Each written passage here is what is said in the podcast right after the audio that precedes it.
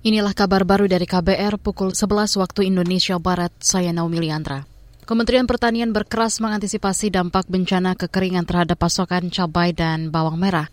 Direktur Perbibitan dan Produksi Ternak Kementan Agung Suganda mengklaim sejak Januari lalu seluruh pemerintah daerah diminta untuk mengantisipasi pasokan dua komoditas tersebut.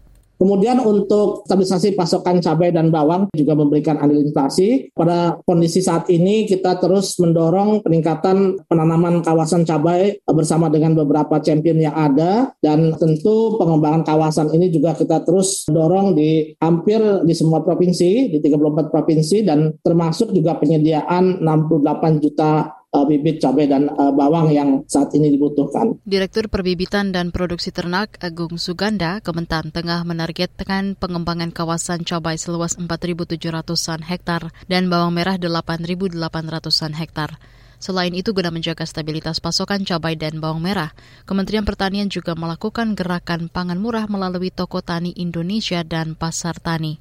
Sementara industri olahan terus didorong untuk menyerap produksi cabai dan bawang merah.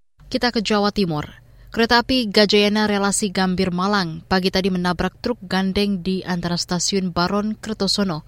Akibat kecelakaan, tiga perjalanan kereta menuju stasiun Blitar terlambat. Juru bicara PT KAI Daup 7 Madiun, Supriyanto, menjelaskan kecelakaan terjadi pukul 4 12 waktu Indonesia Barat. Berdasarkan laporan masinis kepada Pusat Pengendali Perjalanan Kereta Api, pada saat kereta itu melewati perlintasan tidak terjaga, terdapat truk gandeng bermuatan ampas tebu yang nekat melintas hingga mengakibatkan kecelakaan. Masinis menegaskan sudah membunyikan bel lokomotif berkali-kali ketika hendak melintas, namun truk gandeng tersebut tetap memaksa untuk melintasi rel. Akibat kejadian tersebut, lokomotif kereta api Gajayana rusak dan tidak dapat melanjutkan perjalanan.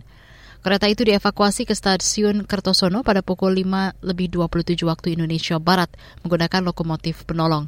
Setelah dilakukan pemeriksaan oleh tim Sarana, kereta api Gajayana dinyatakan aman dan kembali melanjutkan perjalanan pukul 6 lebih 16 waktu Indonesia Barat dengan keterlambatan hampir 2 jam. PT Kereta Api Indonesia akan menempuh upaya hukum dan tuntutan ganti rugi kepada pihak perusahaan maupun pengemudi truk gandeng bermuatan ampas tersebut.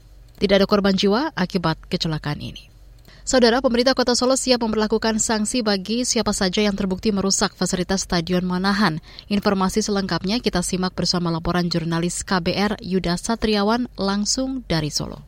Pemerintah Kota Solo memperlakukan sanksi bagi para pengguna Stadion Manahan yang terbukti merusak fasilitas. Kepala Dinas Pemuda dan Olahraga atau Dispora Pemkot Solo, Rini Kusumandari mengatakan, Stadion Manahan saat ini padat dengan jadwal pemakaian mulai dari Liga 1, event partai politik hingga konser musik. Menurut Rini, pengguna Stadion Manahan yang terbukti merusak wajib mengganti dengan produk yang sama seperti sedia kala. Kalau event, kami kan minta dari apa uh, pengguna ya untuk harus menutup ya SOP-nya harus menutup rumput kalau di, mereka menginjak rumput ya itu harus uh, wajib menutup rumput. Nah untuk penutupan rumput itu maksimal tiga hari kita biara lagi.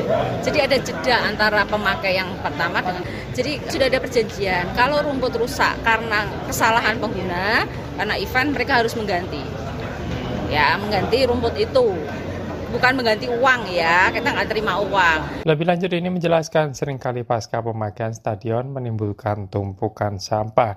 Selama ini Ibu Rini Pemkot Solo hanya mengandalkan 22 personil yang bertugas di kompleks stadion, mulai dari petugas keamanan, kebersihan, dan teknisi. Bahkan selama bulan Juli ini Stadion Manahan padat dipakai untuk laga sepak bola Liga 1, tiga konser musik, event partai politik dari Partai Kebangkitan Bangsa atau PKB, hingga kegiatan sosial kemasyarakatan. Padahal akhir Juli ini juga, organisasi sepak bola dunia atau FIFA akan mengecek Stadion Manahan sebagai bentuk kesiapan menjelang venue Piala Dunia U17 Indonesia. Dari Solo, Jawa Tengah, Yuda Satriawan, KBR. Demikian kabar baru, saya Naomi Liandra undur diri.